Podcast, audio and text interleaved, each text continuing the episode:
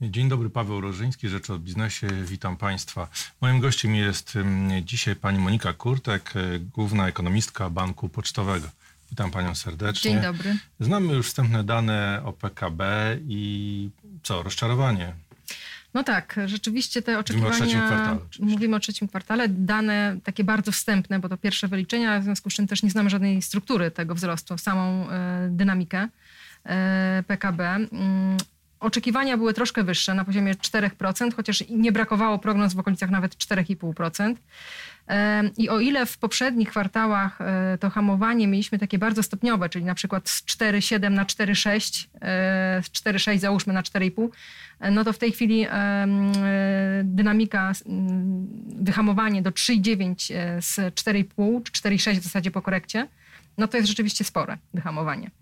E, tak jak powiedziałam, nie znamy struktury tego wzrostu, dowiemy się o niej e, w końcu listopada, ale mieliśmy dane miesięczne publikowane przez Główny Urząd Statystyczny dotyczące sprzedaży detalicznej, dotyczące produkcji przemysłowej, produkcji budowlano-montażowej i na tej podstawie e, no możemy mniej więcej szacować, gdzie nastąpiło to spowolnienie.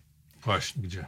Więc y, wydaje się, że po pierwsze y, wyhamowała konsumpcja. Być może ta dynamika nadal jeszcze y, to 4% osiągnęła, ale, ale w danych dotyczących sprzedaży detalicznej było wyraźnie widać, że konsumpcja no, jest niżej. Dalej przemysł. Tutaj również tempo wzrostu produkcji sprzedanej przemysłu w trzecim kwartale mocno wyhamowało. I to też był wyraźny sygnał, że gospodarka y, no, jest już na wolniejszych obrotach. No i wreszcie y, produkcja budowlano-montażowa i budownictwo.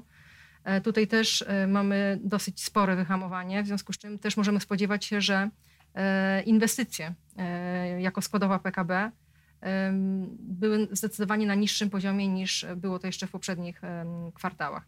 Oczywiście to, co możemy gdzieś tam zgadywać, a zupełnie tutaj żadnych informacji nie ma, to są zapasy w firmach i tutaj prawdopodobnie ten wkład właśnie zapasów wzrost PKB był ujemny, tak jak już był w poprzednim kwartale. Natomiast myślę, że pozytywnie może nas zaskoczyć eksport i w ogóle cały eksport netto, tutaj ten wkład może się okazać nawet dodatni, z tego względu, że y, dane dotyczące właśnie eksportu, czy w ogóle wymiany handlowej nas y, zaskakiwały pozytywnie i nawet ostatnie dane właśnie opublikowane przez Narodowy Bank Polski no, okazały się sporym zaskoczeniem, gdzie okazało się właśnie, że mamy dużą nadwyżkę. No tak, ale teraz mamy zaskoczenie, jeśli chodzi o konsumpcję, no, jeśli chodzi o przemysł, no można było się spodziewać, że nie będzie najlepiej, chociażby z tego względu, że naszych partnerów e, handlowych, takich jak Niemcy, no jest, e, strefie euro jest dosyć słabo w tej chwili, jeśli chodzi o mm, produkcję przemysłową, jest wyraźne spowolnienie.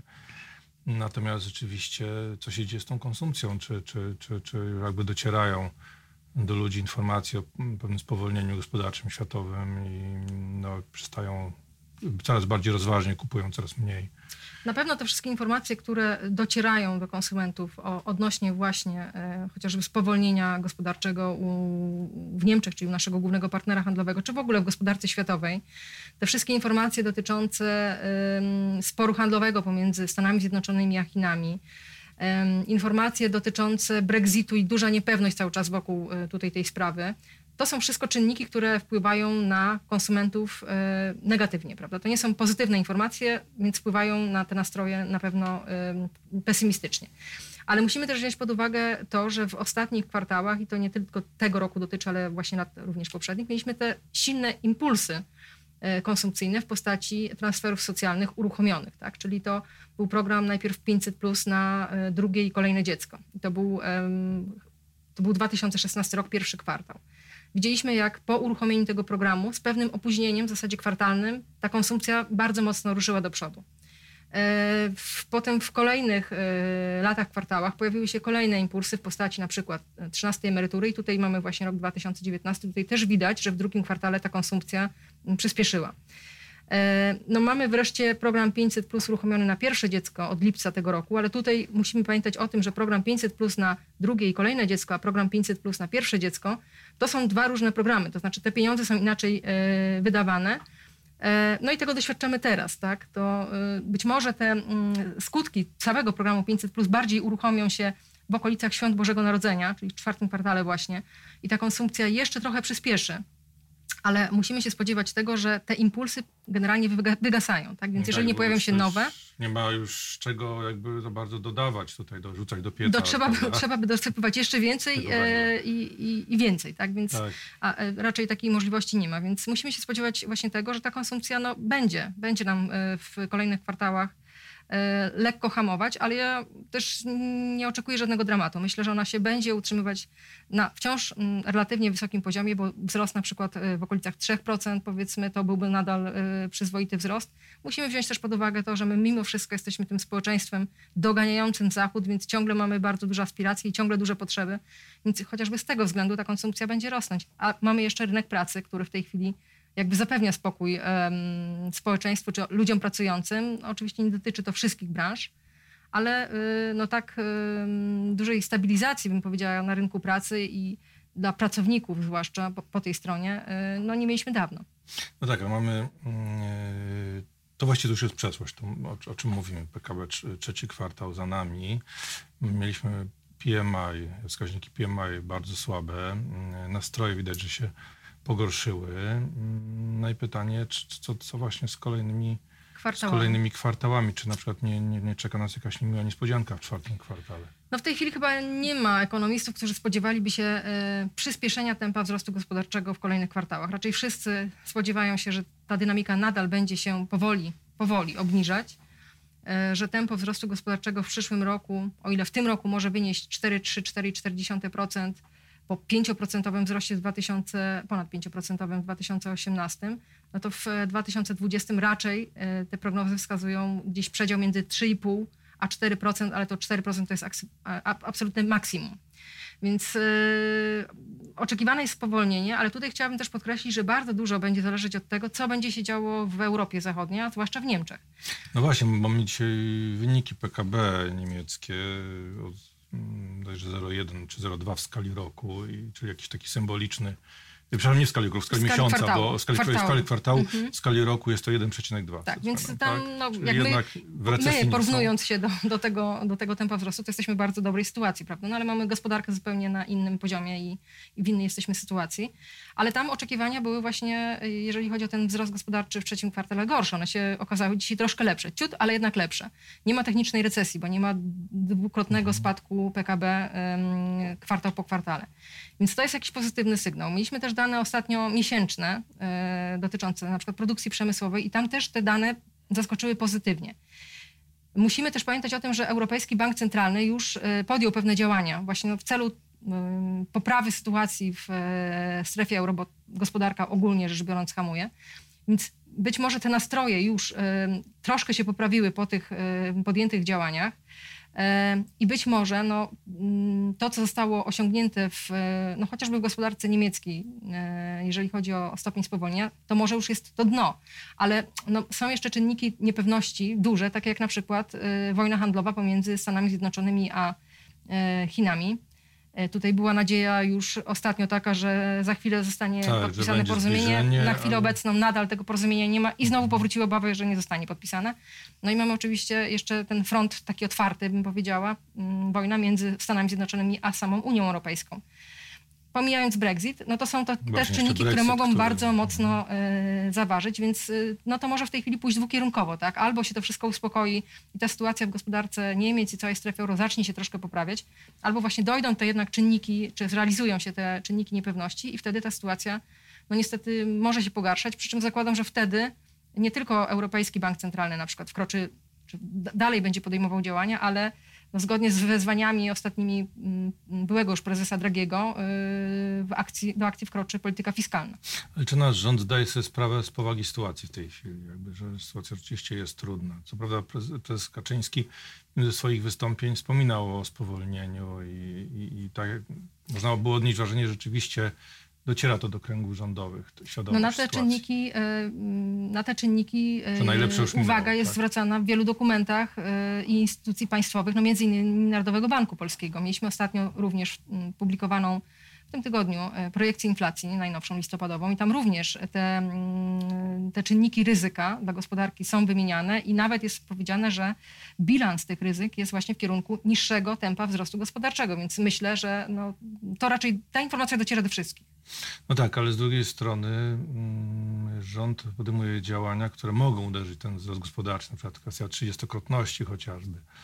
Oczywiście. Tak, niespodziewany znów wzrost akcji nastąpił i jest taka mm, potężna niepewność. Niepewność, tak. A przecież już firmy mają pewnie pozaplanowane niepewność- budżety. I... Ta niepewność rzeczywiście może przekładać się no, chociażby na e, inwestycje przedsiębiorstw. E, Zresztą również Narodowy Bank Polski w ostatnim badaniu dotyczącym koniunktury w przedsiębiorstwach, tam w tym badaniu znowu jako właśnie ten główny czynnik czy bariera rozwoju, to jest właśnie ta niepewność. E, Również regulacyjna, prawna, ale ogólnie rzecz biorąc niepewność, ona powstrzymuje e, przedsiębiorstwa na przykład właśnie przed em, podejmowaniem kolejnych e, projektów inwestycyjnych.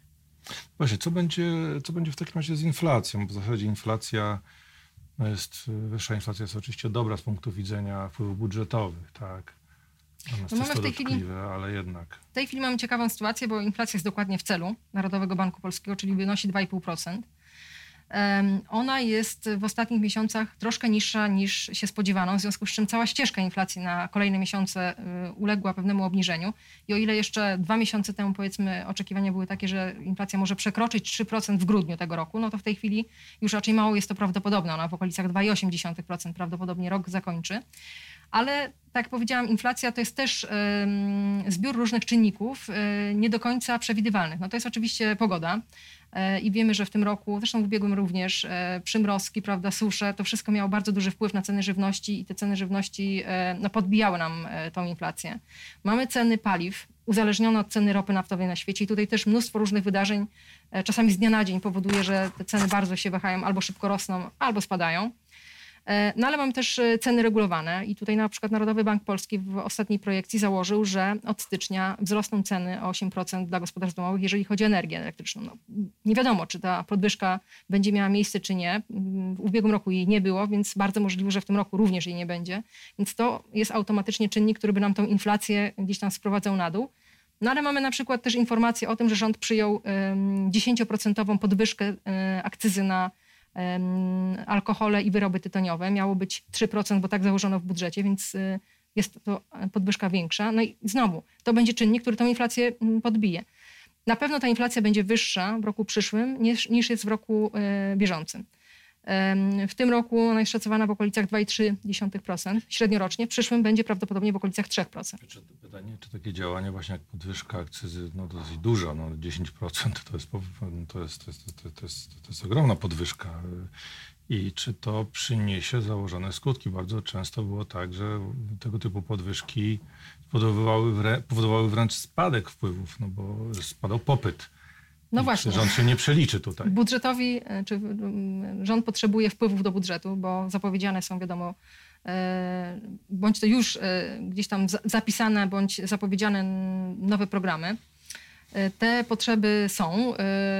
No i teraz trzydziestokrotność, czy chociażby wpływy z takiej akcyzy, no to są wszystko wpływy założone, prawda, do budżetu. Więc jeżeli ta akcyza jest wyższa, to również założone są wyższe wpływy do budżetu. Oczywiście to ryzyko, o którym tutaj pan redaktor mówi, czyli gdzieś ucieczka w szarą strefę, jak najbardziej istnieje. No pytanie, na ile mm, służby fiskalne, że tak powiem, e, są w stanie temu zapobiegać. No w ostatnich latach zostało trochę zrobione pod tym kątem, ale to tak naprawdę życie dopiero pokaże. No ale chyba y, raczej nie mamy co marzyć o takim zrównoważonym budżecie, o którym y, przed wyborami mówił właśnie mówił PiS. No to, co się w tej chwili dzieje, Stwarzając spowolnienie gospodarcze chociażby na spadek. to, co się w tej chwili dzieje, plus oczywiście y, wolniej rozwijająca się gospodarka, y, raczej wydaje mi się rodzi duże prawdopodobieństwo, że jednak w tym budżecie będzie się musiał pojawić ten deficyt. i Mimo tych utrzymanie- wszystkich podwyżek, akcyzy. i Oczywiście, tak że tak, no bo nawet y, z punktu widzenia tych wpływów do budżetu, jeżeli mamy wolniejszą konsumpcję, to automatycznie z VAT-u wpływy do, do budżetu będą niższe, więc już rodzi się jakaś luka. Pytanie, jak, będzie, jak duża będzie. Pytanie, jak dużo będzie i pytanie, czy rząd jest w stanie znaleźć y, inne źródła, prawda, k- którymi to zasypie. Dziękuję Pani bardzo Dziękuję za również. rozmowę. Moim gościem była Pani Monika Kurtek, główna ekonomistka Banku Pocztowego.